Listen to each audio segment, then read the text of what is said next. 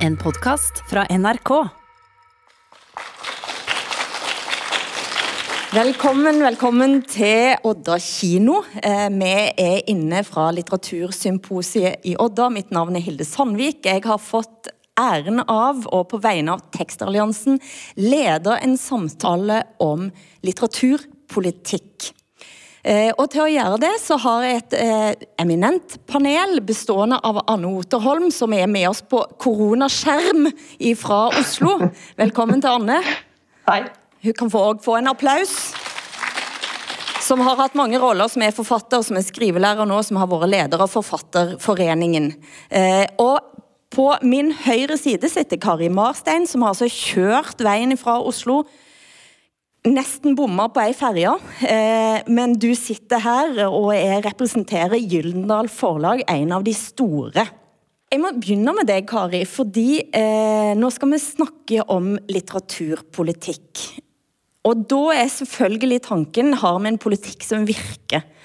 Eh, og når jeg tok en liten sveip på bokhøsten og ser hva som har kommet ut av bøker bare i høst, og ser på hva slags terningkast som er trilla både her og der, men òg i Gyldendal, eh, så tenker jeg at det sier noen ting om at vi har et område der det viser seg at kulturpolitikk faktisk har hatt effekt. Det var selvfølgelig veldig ledende og altfor eh, smigrende innledning, men Kari? Ja, nå er det ikke terningkastene da, som sier om den har hatt en effekt, men det er jo en helt vill bokhøst, en helt fantastisk bokhøst. Uh, og uh, med liksom masse store forfattere, og det er veldig mange av dem som uh, når sine lesere, og som også har nådd kritikerne, da, og det er jo veldig hyggelig. Og det er eh, dels ikke tilfeldig, fordi det er faktisk et produkt av bokpolitikk, av litteraturpolitikk, som vi skal snakke mer om. Mm. Eh, og så er det litt vidunderlig. For jeg tenker på hvor mange konkurrenter det er om folks tid nå. Uh, at uh, altså Netflix, HBO, podcaster, gaming, alt mulig. Og fremdeles så står jo boka ganske sterkt. Det leses mye bøker, og den har en veldig sånn, sterk plass i offentligheten. Nå spør jeg veldig stygt, selvfølgelig, men har du noen tall? For det finnes jo sånne medieundersøkelser som viser hvor mye vi bruker ja, det er kan vi bruke på tida på. Forleggerforeningen. Jeg har ikke prosenttall og sånt nå, men det sies jo at ni av ti i Norge leser minst en bok i året. Det er sånn som vi svarer når vi får sånne spørsmål, ikke tør å si noe annet. Eller? Altså, dette er Forleggerforeningens tall, da, og de har jo vært ganske konsistente over tid. Men det, kanskje det er viktigere å si at det er åpenbart at boka har en veldig sterk plass i offentligheten. At veldig mange syns de skal forholde seg til litteratur. Mm.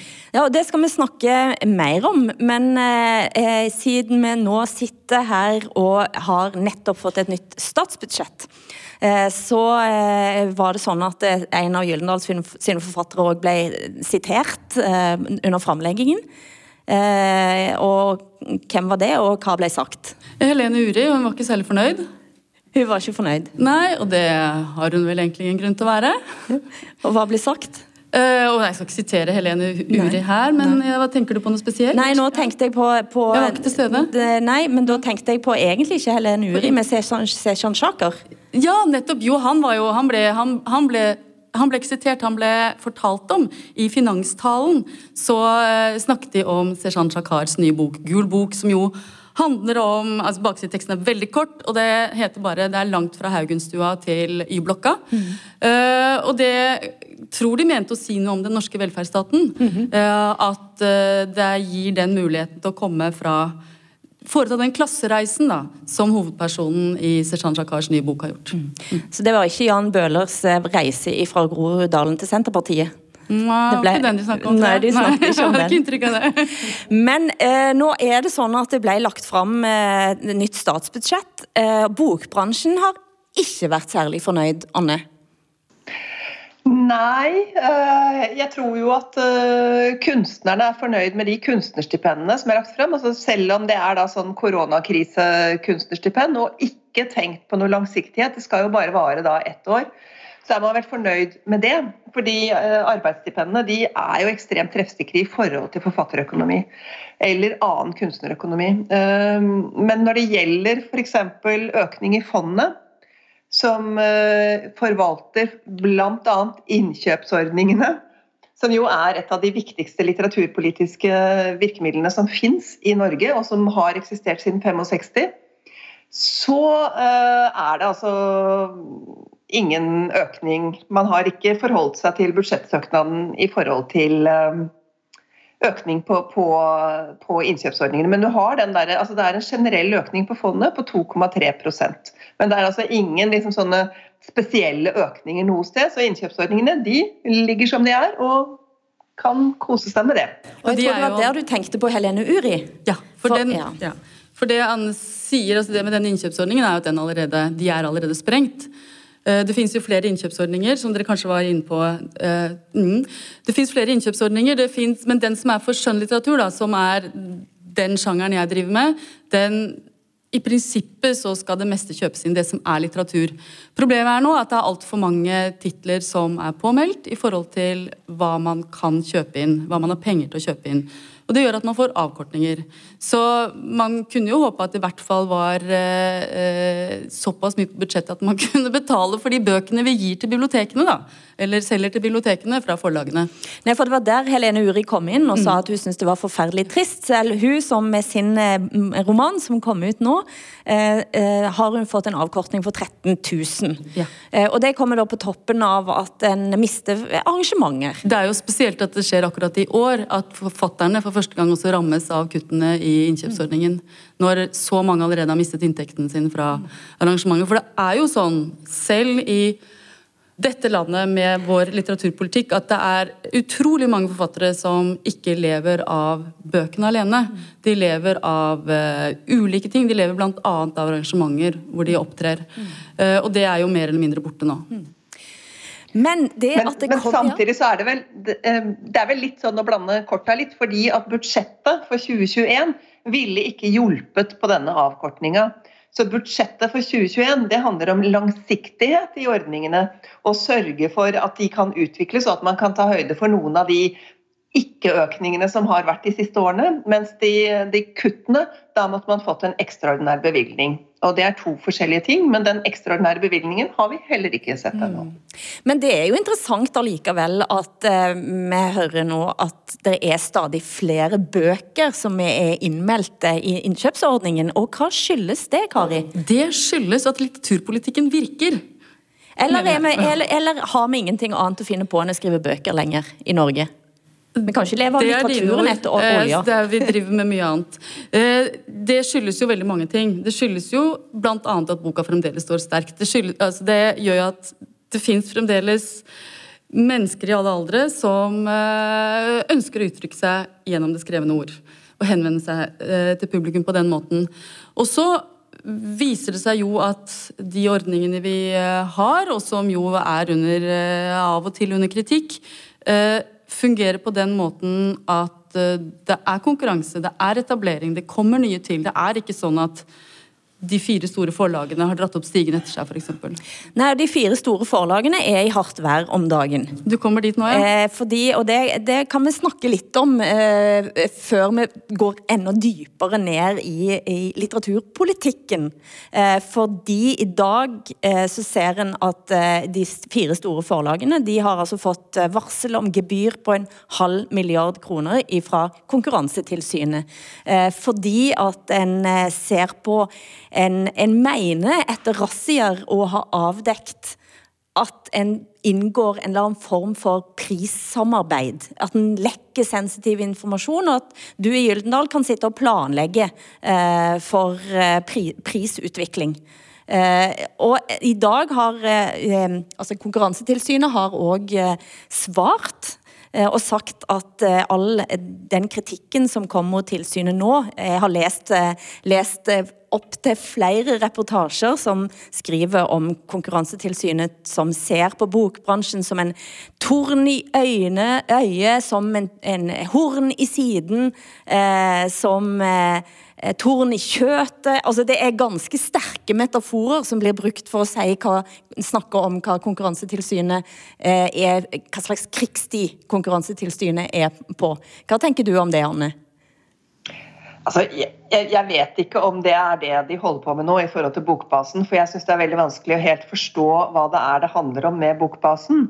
Men sånn, eh, altså historikken er jo at uh, dette med faste bokpriser har aldri Konkurransetilsynet satt noe særlig pris på. Eller altså den reguleringa av bokbransjen som finnes gjennom bokavtalen. Og det er jo fordi de er opptatt av eh, priskonkurranse. De er ikke nødvendigvis generelt opptatt av uh, konkurranse, men priskonkurranse er veldig, veldig, veldig viktig. Og de driver ikke med litteraturpolitikk overhodet. Uh, jeg er opptatt av mangfoldet og bredden i litteraturen. Jeg er opptatt av at vi skal kunne utvikle litteratur over lang tid og liksom holde på med det som er innholdet i dette her. Og konkurrere. Absolutt konkurrere, men ikke nødvendigvis på pris akkurat akkurat de første sju månedene som boka er ute. Der er Konkurransetilsynet og jeg veldig uenige i forhold til hva dette her handler, handler, om. De mener det handler om priskonkurranse hele veien. Jeg mener det handler om mangfold og bredde. Å skape den litteraturen og få fram den litteraturen som folk trenger. Eh, nå har eh, Konkurransetilsynet svart, og de skriver i Klassekampen vi må skuffe alle konspirasjonsteoretikere som tror at Konkurransetilsynet består av hevngjerrige korstogfarere, nok en metafor altså, som velger seg sine saker etter eget forgodtbefinnende. Noen av oss kan til og med tenkes å ha en bok liggende på nattbordet, skriver altså Gjermund Nese i Konkurransetilsynet. Nå vet eh, jeg vet, eh, Kari, at du eh, har jo ikke lest varselet, og det er det vel veldig få av dere som har gjort? ja, det er jo ikke offentlig. Nei. Men denne denne beskyldningen mot de store forlagene mot å, å trekke seg sammen og, og lage kartellvirksomhet, eh, eie hele produksjonskjeden, og nå altså gjennom Mentor Mentor, er det det det heter? Mentor er en del av bokbasen. Og det, den, det er det som er det, er det som, der det varselet kommer. Hva, tenker, hva sier du til det? Nå la du altså, ganske store... mye på den tallerkenen. Ja, jeg la veldig mye. Du kan spise én ja. og én ting. uh, nei, altså for det første så er uh, Det er viktig å anerkjenne at Konkurransetilsynet har en jobb å gjøre. Og jeg kan ikke sitte her og prosedere en sak som dreier seg om en halv milliard kroner. Uh, men samtidig så må det gå an å si at vi ikke kjenner oss igjen i den beskrivelsen av bokbasen da, som dette dreier seg om. Og bokbasen er jo rett og slett en stor mengde såkalt metadata om bøker. Altså hva de koster, ISBN, eh, når de kommer ut, hvor mange sider de er, eh, hvilket forlag, forfatter, oversetter, alt dette her. Som alle kan hente den typen opplysninger fra. Det er jo åpent, det finnes. Det er ikke sånn at det er de fire store forlagene som har visst om dette og holdt alle andre unna. Og det er også det som er selve kjernen i f.eks. e-boksalg. da. Alt sånt hentes derfra. Og det er startet og eid av de fire største forlagene øh, og Bokbasen, øh, men er åpent for alle. Og jeg mener at dette faktisk er et redskap for konkurranse. Fordi det gjør at det er veldig lett å etablere seg som forlag i Norge. Det viser jo statistikken. Det er masse forlag i Norge. Øh, og du trenger ikke en stor infrastruktur fordi du har Bokbasen, blant annet. Så er det jo Altså, eh, prisene står i bokbasen, men prisene er også ute i butikkene. Mm. Så hvis det er Akkurat det er litt vanskelig å forstå. Men uh, nå er jeg i ferd med å Nå går du inn i ja, Og det har jeg ikke lyst til. Anne, eh, hvis du da sitter sånn, Hvis jeg tenker at du eh, finner ut at du vil gi ut dine neste bøker på et lite forlag, ville du da ha stolt på at Bokbasen og hele litteraturpolitikken spilte på ditt lag? Ja, det ville jeg. Altså, nå ville ikke jeg gjort det, for jeg vil ha redaksjonell eh, bearbeiding av det jeg holder på med. Men hvis jeg skulle altså, nå, nå, Siden jeg ikke er et forlag, siden jeg ikke har kompetanse som forlegger i det hele tatt, så veit ikke jeg helt hvordan jeg praktisk gjør i forhold til bokbasen. Og det, det, er klart det kan hende at det er kostnader forbundet med å registrere titler og legge ut og bruke den bokbasen, som vil være vanskelig for meg. Det kan godt hende at de, de, kostnadene burde vært lavere. Dette vet jeg ikke, men jeg forestiller meg at det kanskje kan være inngangskostnader der som, som, som mindre uh, forleggere eller selvpubliserende syns det er vanskelig å forholde seg til. Det er jo noen ting som, som er interessant i den sammenhengen her, hvis man skal tilrettelegge for en veldig, veldig stor bredde av mindre forlag, mellomstore forlag, store forlag og selvpubliserende mennesker. Men jeg, ikke, jeg har ikke liksom kontroll på de tingene der, og vet liksom hvor, hvor kostnadene i det ligger. Men, men, det er jo en ting jeg ville ha brydd meg om. hvis jeg skulle publisere selv, og hvis jeg var Konkurransetilsynet. Jeg tror de er anerkjent som lave, uten at jeg kan Jeg vet heller ikke hvilke summer konkrete det er som, men jeg tror de er anerkjent mm. som lave. At inngangsbilletten til mm. å utgi en bok på et selvstendig forlag eller eget forlag er lav. lav priset. Mm. mm. Og det er bra. Det tenker jeg er riktig. Men det var den ene tingen på, på din tallerken, selvfølgelig. Og her sitter du med mye både bevisbyrde og, og, og, og mange forestillinger. Eh, men eh, når jeg snakker med, med forleggere i mindre forlagshus, så, så, så syns jeg å høre en frustrasjon over hvor vanskelig det er å komme inn i bokhandlere. Eh, eh, at er, de har en mye brattere vei å gå hvis den ikke er på eiersiden. Eh, at en blir plassert på en litt ugunstig si, plass. De skulle bare visst. Det er veldig vanskelig å få plass i bokhandel, og det gjelder for alle. Mm. og det er Jeg tror alle forlag i Norge kan uh, skrive under på at de ikke uh, oppfatter seg som favorisert av noen som helst bokhandelkjede. Det er ikke sånn det fungerer. Mm. Men det er det som kalles den såkalte vertikale integrasjonen. At en eier hele, hele kjeden. Eh, og alle som har vært inne i mediebransjen vet jo òg at eller uansett hva du er slags bransje, altså det å eie hele kjeden det gir deg en veldig stor fordel. Pleier det å være. Er det ingen fordel for forleggere at en har den muligheten? Eh, jeg kan ikke si det, nei. Eh, det er ikke sånn at den altså Gyldendal, for å si det, det jeg jobber i et, ett av Gyldendal-forlagene som har det med allmennlitteraturen å gjøre, altså det du ser i bokhandel. Og så er det sånn at eh, de som eier meg, som er Gyldendal-konsernet, eier også ark. Mm.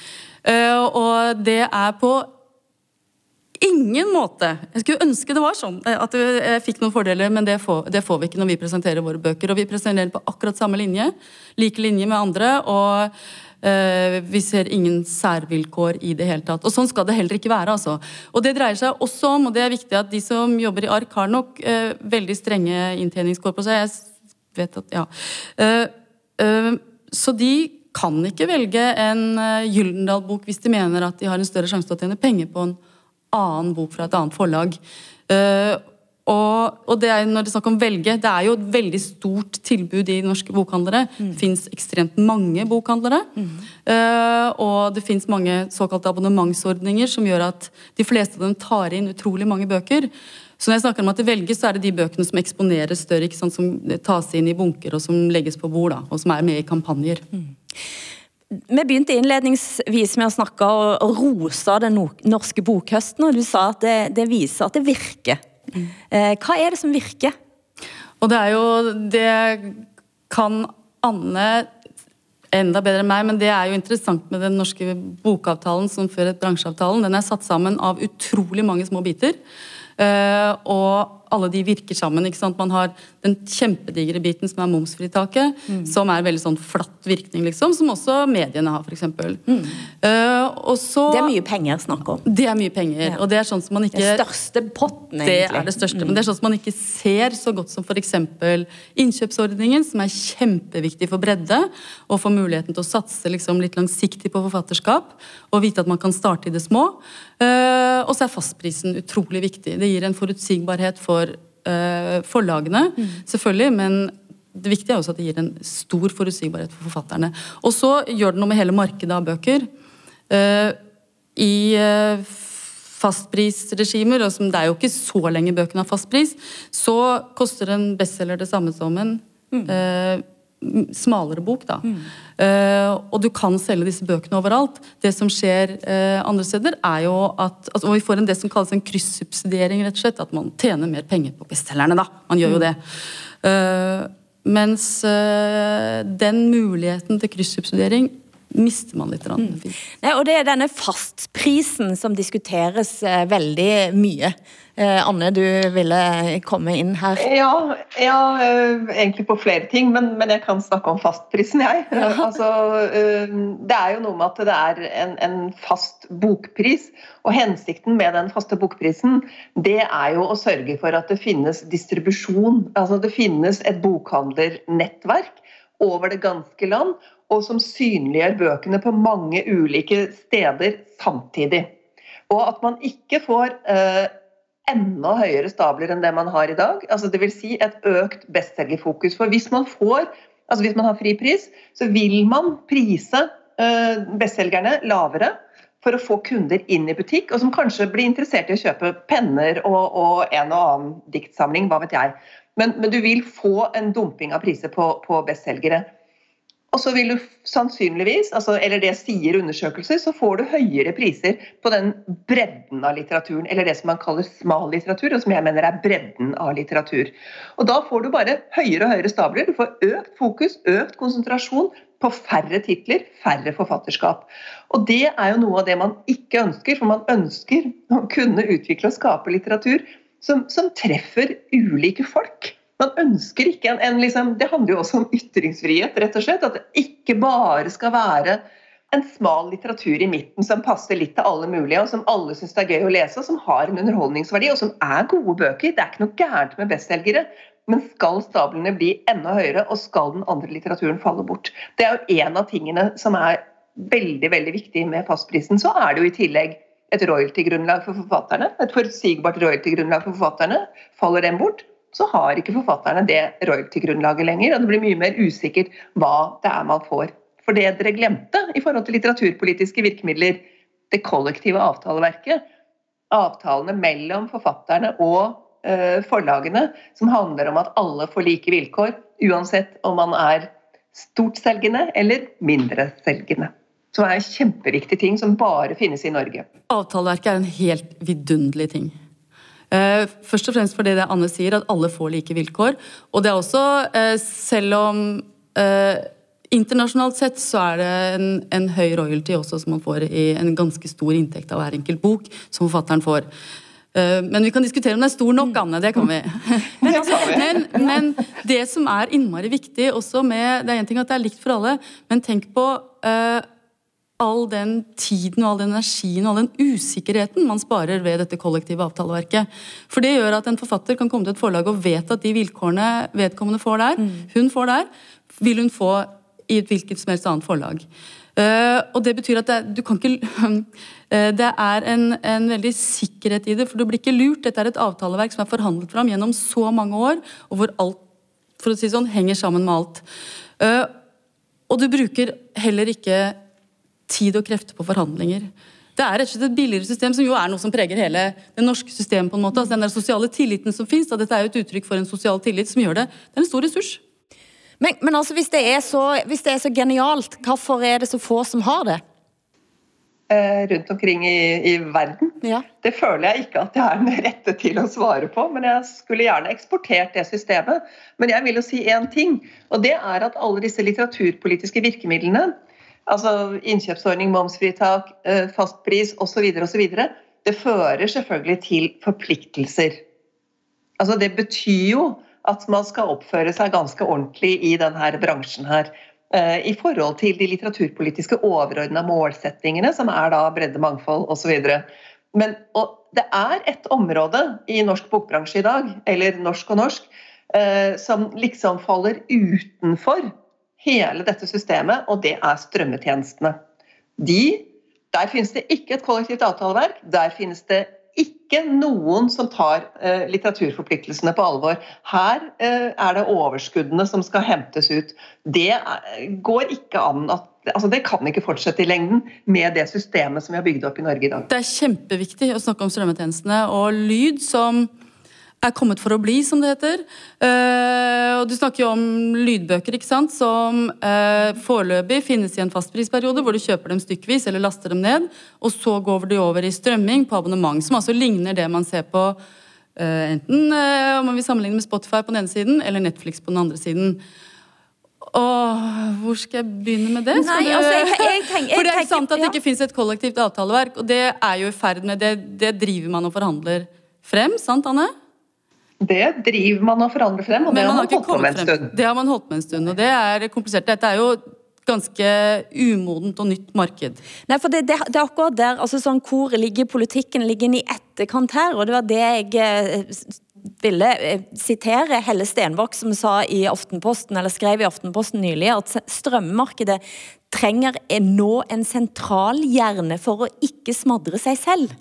Eh, eh, og, og hvor er det altså er det, Den smadringa er jeg ganske opptatt av. Ja. ja. Snakk om smadring. Ja, da må jeg bruke litt tid. Ja. Eh, det fins noe som heter leveringsplikt i Norge. Dvs. Si at alle forlag må levere bøker til alle bokhandlere. Eh, og så er den forsøkt utvidet, man sier det som et analogiprinsipp, da, at eh, det også at Eller det innebærer også at alle forlag, alle rettighetshavere, må levere bøker til disse strømmetjenestene. Per i dag tror jeg det fins tre. Det fins to store og en litt mindre.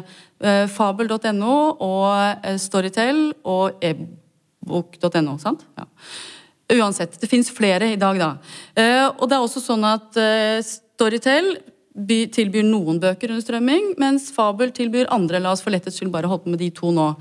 Og det betyr at de som vil høre, har tilgang til absolutt alle bøker, de må ha to abonnementer. Mm -hmm. Og det er ikke særlig forbrukervennlig, påstås det. Eh, og så kan man jo se på da hva som skjer hvis man har en leveringsplikt som gjør at uten noen som helst mulighet til å sette betingelser eller forhandling, så har, eh, må opphaverne, rettighetshaverne, forfatterne og forlagene tilby bøkene både til Storytel og til Fabel. Mm. Hva skjer da? Eh, en stund så vil jo noen eh, forfattere har stor glede av dette fordi de har to kaker de kan hente inntekter fra. Mm -hmm. Og altså, Inntektsgrunnlaget i strømmetjenester er også komplisert. Vi kan snakke om det, det er ganske komplisert, men la oss ta dette først. Eh, de har to kaker å hente inntekter fra, og de selger godt i begge, og de kan håve inn. Men det som skjer på ganske kort sikt, vil jeg tro Hvis du kan få akkurat de samme bøkene i Storytel som du kan få i Fabel, hvorfor skal man da ha to strømmetjenester? Men jeg har jo både, da, har jo både HBO og Spot og Jo, men hvis du hadde fått Netflix. akkurat det samme Og det er jo det vanlige. Altså det, jeg mener at det er modellen. Eh, når det gjelder levende bilder, så har jo folk mange abonnementer. Og de innser at nei, du kan ikke få alt uh, under ett. Det er ikke sånn at du kan gå til nrk.no og få alt fra HBO og, uh, og, Netflix og alle. Det er ingen som venter det. Men uh, når det gjelder bøker, da, så ser de i stedet til Spotify. Spotify og vil ha det på den måten. Og jeg skjønner at folk vil ha det på den måten, men samtidig så er det jo vår oppgave å passe på at forfatterne har en fremtidig inntekt fra bøker. Uh, og fra det de skriver. Anne prøver så intenst å komme til ordet. Jeg vil så veldig gjerne si noe om dette. Det, og det er jo, altså Jeg eh, følger langt på vei Kari i, i, i dette her. Altså Man må kunne klare å skape noe bærekraftige eh, strømmetjenester for litteratur som gjør at f.eks. For forfatterne uh, kan tjene penger på det. Og Det er ikke sikkert at det er den veien vi er på vei nå. Men samtidig så er det sånn at i bokavtalen så er en av de her såkalte litteraturforpliktelsene, eller de, litteraturpolitiske forpliktelsene, det er levering og skaffeplikt.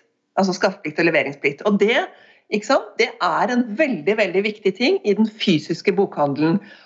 Og så lager man strømmetjenester. Og så skal de også gå inn under dette avtaleverket. Og istedenfor øh, å være innmari kjapt på banen, som jeg mener at mange av aktørene kunne vært her nå, og, og kommet fram til ja, ok, hva er litteraturforpliktelsene til strømmetjenestene, som har hengt på baksida så lenge.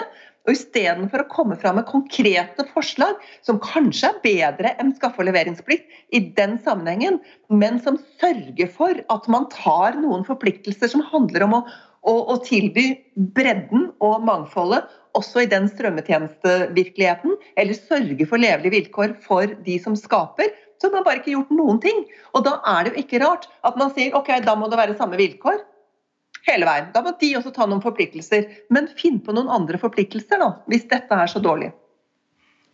Det ble et veldig stort spørsmål som jeg ikke helt eh, ser eh, hode og hale på. Eh, men altså, vi har Bokhandel har skaffeplikt. Ja, bokhandel har skaffeplikt, og vi har leveringsplikt. Men det er også veldig stor forskjell på nettopp som da fysisk bokhandel og en strømmetjeneste, som jo ikke er en bokhandel. Mm. Det er et produkt i seg selv. Det er vi enige om. Ja. Mm. Så du snakker om betingelsene som settes, men de, er, de, skal jo ikke løses over bordet her. Dette er jo noe man er i forhandlinger om, og det er et veldig Vi er enige om at dette er veldig ferskt. Så det er veldig vanskelig å, å sette opp endelige regler og endelige vilkår for et marked som har Altså For tre år siden så fantes ikke strømming, tror jeg, på lyd.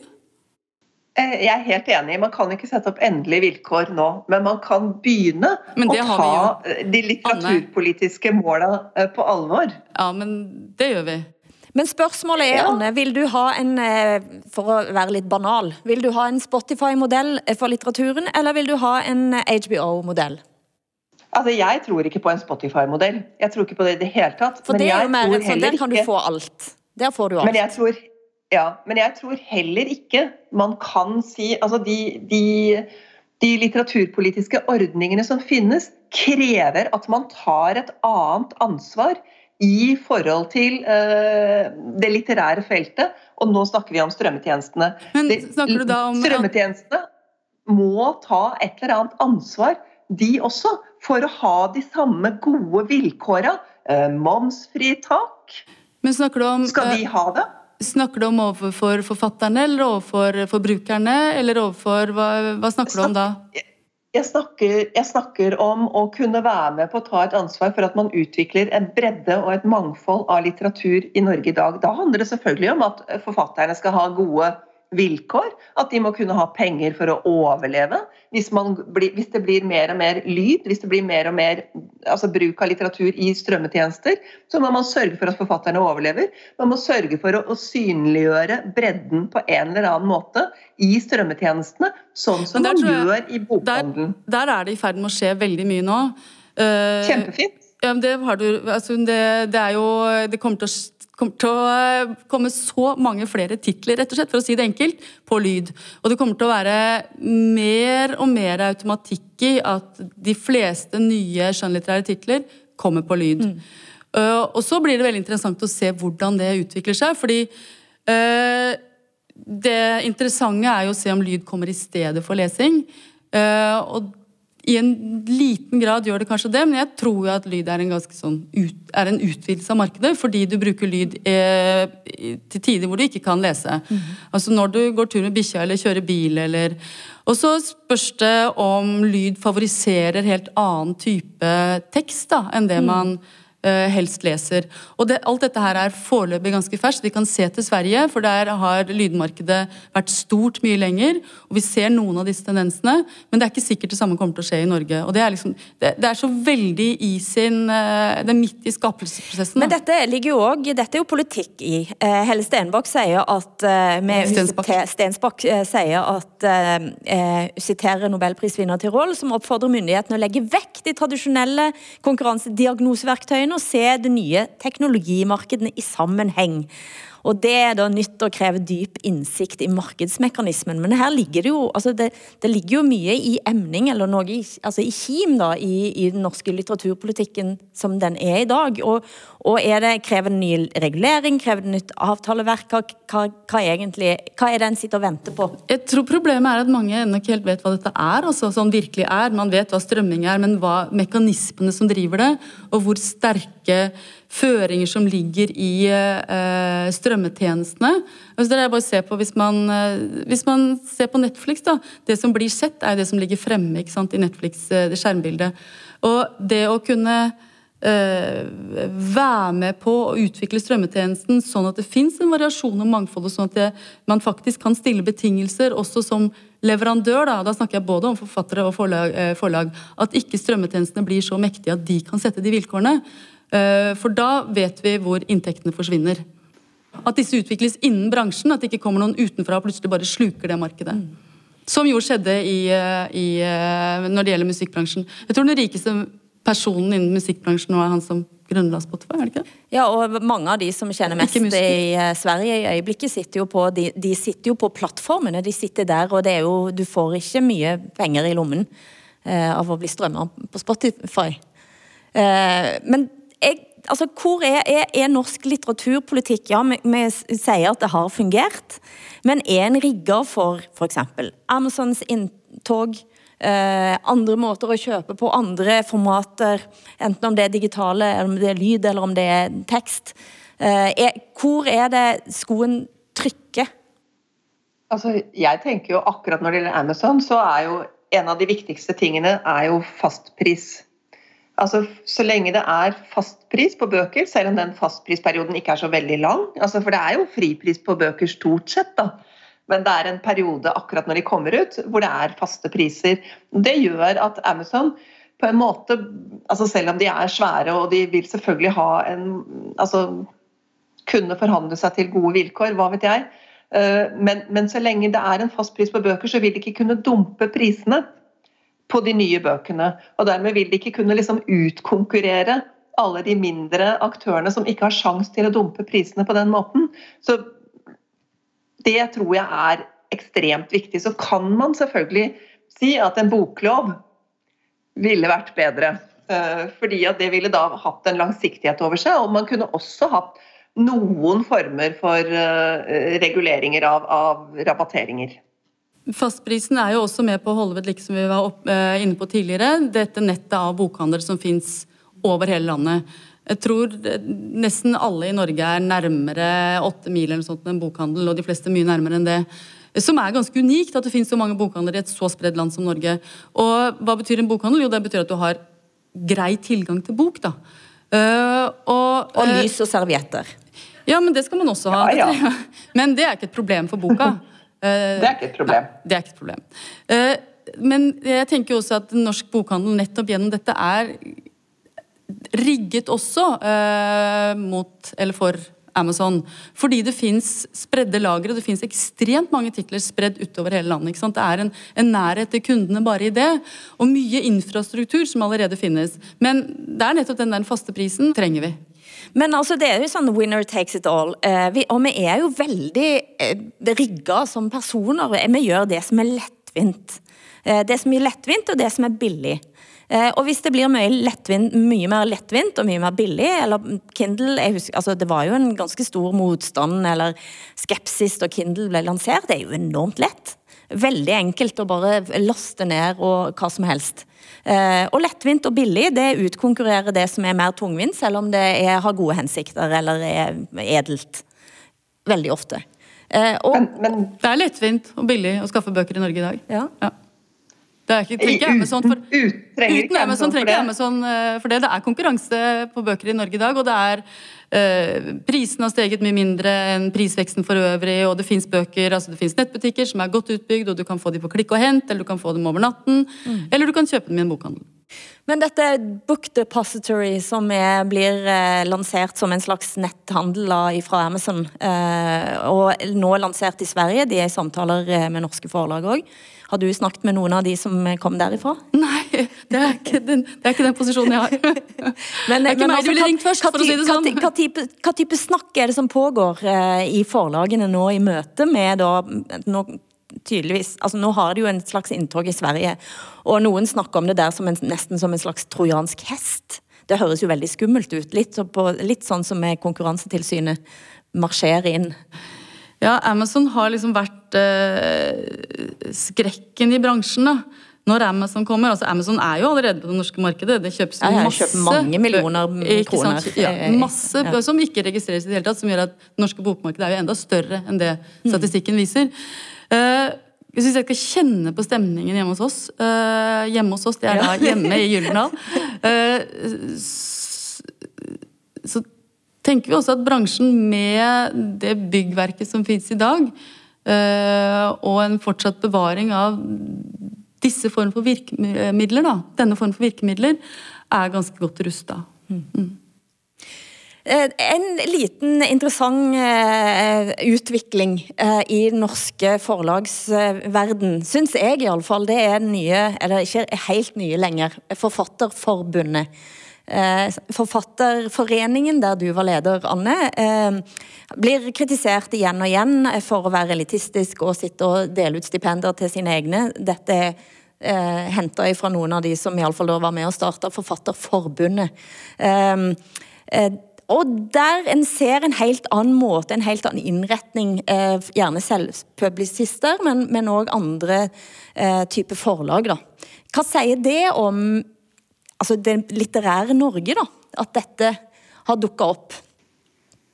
Altså, jeg tenker jo at det er helt greit med to forfatterforeninger. Nå er jo ikke jeg leder i noen forfatterforening lenger, så jeg trenger ikke mene så mye om det. Men, men, men jeg syns jo ikke det er noe problematisk i det hele tatt at det er to forfatterforeninger som, som delvis organiserer ulike typer forfattere og som har en del overlappende medlemmer også. Altså jeg tenker ja, ok, jeg vet jo at Forfatterforeningen og Forfatterforbundet forhandler sammen mot, i forhold til Forleggerforeningen når det gjelder f.eks.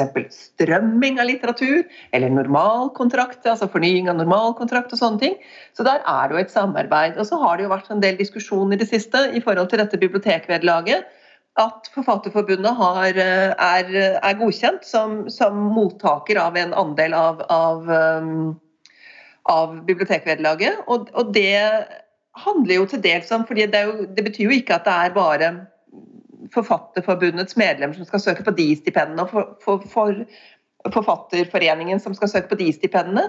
Men det betyr at i Forfatterforbundet så vil de sannsynligvis ha tanker om en litt annen innretning på Eh, stipendene. Kanskje ønsker de mer prosjektorienterte stipender, og ikke langvarige arbeidsstipender. Jeg syns ikke det er så innmari rart. Eh, så er det selvfølgelig en diskusjon rundt hvor, hvor, store andeler som skal fordeles rundt omkring. Eh, det er jo heller ikke så rart, vil jeg si.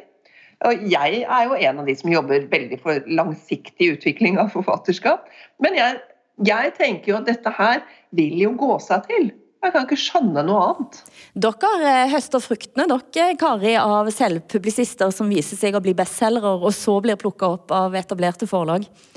Blant annet iallfall en svensk krimforfatter. som jeg tror ja, dere... Ja, uh, det er, vi har en av dem på listen, ja. Nå driver jeg med norsk skjønnlitteratur, og der er faktisk ikke det så veldig vanlig. Mm. Uh, og om det skyldes at det er så vanskelig å publisere selv, som det jo ikke er, eller om det er gjør at det er mulig å komme på norske forlag med gode bøker, som jeg tror, da. Nå er det sånn at vi har til stede i salen en statssekretær, Gunhild Berg Stang, som har lov til å komme opp eh, her på scenen. Eh, har sittet og lytta eh, intenst. Så du skal få lov til faktisk å komme med dine direkte kommentarer på, i denne samtalen om litteraturpolitikk. Vær så god. Takk for at jeg fikk eh, komme her i dag. Eh, og det har vært eh, veldig interessante tema som har, som har blitt dekka her den siste timen. og veldig nyttig og interessant for meg som statssekretær å være her og høre. Det her er en, en krevende interessant, og interessant, men òg en debatt som belyser noen muligheter.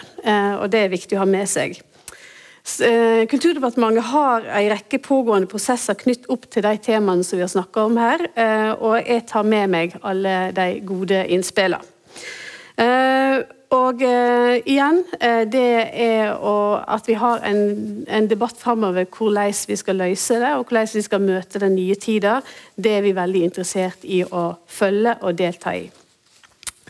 Hovedformålet med regjeringas litteraturpolitikk er å legge til rette for kvalitet, bredde og mangfold, både innenfor faglitteratur og skjønnlitteratur. Og Det er flere litteraturpolitiske virkemidler som bidrar til å nå dette målet, og som vi har snakka om her i dag, bl.a. innkjøpsordninger til Kulturrådet og fastprisordninger. Eh, fastprisordninger gjør det mulig for forlag og bokhandlere å satse på flere og smalere titler, og slik får forlegger insentiv til å gi ut og formidle et bredt spekter av litteratur. Og som det står i Granavolden-plattforma til regjeringa, regjeringa vil videreføre fastprisordninger for bøker, men vurdere konkurransen i bokmarkedet om den kan bedres. Videre er innkjøpsordninga viktig for norsk litteratur, for norske forfattere og utgivere. Kulturrådet forvalter innkjøpsordninga, og Kulturdepartementet holder derfor en armlengdes avstand til arbeidet med ordningene. Og så er jeg også kjent med at eh, Kulturrådet nå gjennomfører en evaluering av innkjøpsordningene. og Vi vil lese den, den rapporten når den kommer, og vi vil følge utviklinga. Det har jo vært en, diskusjon i forbindelse med statsbudsjettframlegginga. og eh, Eh, eh, men, men, vi som, som, som, sagt følger situasjonen, og vi vil òg kunne se på, på, på de problemstillingene i, i forbindelse med, eh, med, stimuleringsordningene. Som Menon-rapporten fra juni år viste, så er det jo beregna et inntektstap for forfattere knyttet til kulturarrangement på ca. 30 Eh, jeg er klar over at tida vi står for nå er, er utfordrende for, eh, for, dette feltet, på, til liks med resten av kultursektoren. Og I det videre arbeidet så foreslår regjeringa ytterligere 1,9 milliarder kroner til kompensasjon og stimuleringsordninger for arrangør på kultur-, frivillighets- og idrettsfeltet for perioden 1.9. til 31.12. i år. Av dette er, skal altså 900 millioner kroner fordeles til kultur. I tillegg vil en ny stimuleringsordning for arrangører i kultursektoren bli etablert med virkninger fra 1.10. Målet med ordninga er å skape aktivitet, slik at vi kan nå de kulturpolitiske målene og stimulere til de ordinære mekanismene og transaksjonene mellom aktørene i næringskjedene, at de kommer i gang igjen. Ordninga skal bidra til at det fremdeles er høy aktivitet i norsk kulturliv, også etter at krisa er over. De nasjonale målene som er meisla ut i kulturmeldinga, gjelder selvsagt fortsatt, også i koronatider. Men for at vi skal holde oss på veien, så må vi trakke litt på gassen. Og Derfor så foreslår vi å øke kulturbudsjettet til neste år med over 3,7 milliarder kroner slik at den totale summen til kultur er foreslått til 23,6 milliarder kroner. Det er en historisk økning på nesten 90 19, 90% var litt mye. 19% på saldert budsjett i 2020. Og det er klart den høyeste summen som noen gang er løyvd til kunst og kultur over statsbudsjettet. Det handler ikke bare om å holde hodet over vannet eller holde hjula i gang. Det handler også om å øke aktivitetsnivået i hele landet. Eh, og det har jeg også lyst til å si at eh, at de kulturpolitiske målsetningene har hele tida stått sterkt for regjeringa i disse tider. Eh, det, det, kan bli fort snakk om kulturarbeidsplasser og, eh, og kulturnæringene og eh, aktørene, men det handler om, uavhengig av det, at det er et mål at folk skal oppleve kultur i disse tider. Samlet så foreslår altså regjeringa over 2,5 milliarder kroner til midlertidige tiltak som skal stimulere til økt aktivitet innenfor de smittevernreglene som gjelder. Eh, og her er jo noen av de problemstillingene som er belyst her, aktuelle å se nærere på. Min oppfordring til alle i kulturlivet er derfor å se hva mulighet en har for å holde kunst- og kulturlivet i gang. Og det er selvsagt ikke nok bare å holde institusjonene i gang, vi må også fylle dem med innhold. Det er også grunnen til at vi nok en gang velger å styrke kunstnerstipender, denne gangen med ytterligere 100 millioner kroner.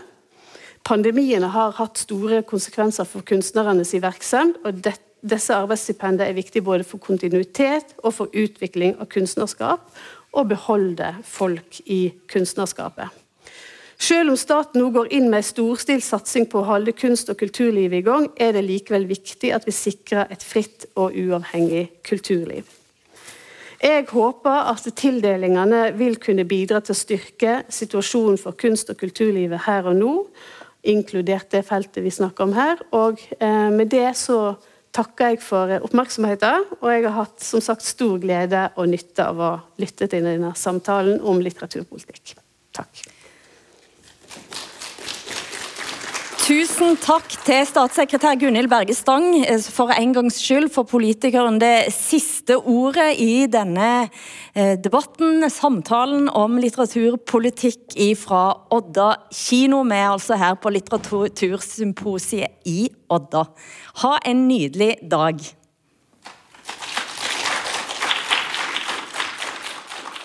Du har hørt en podkast fra NRK. Hør flere podkaster og din NRK-kanal i appen NRK Radio.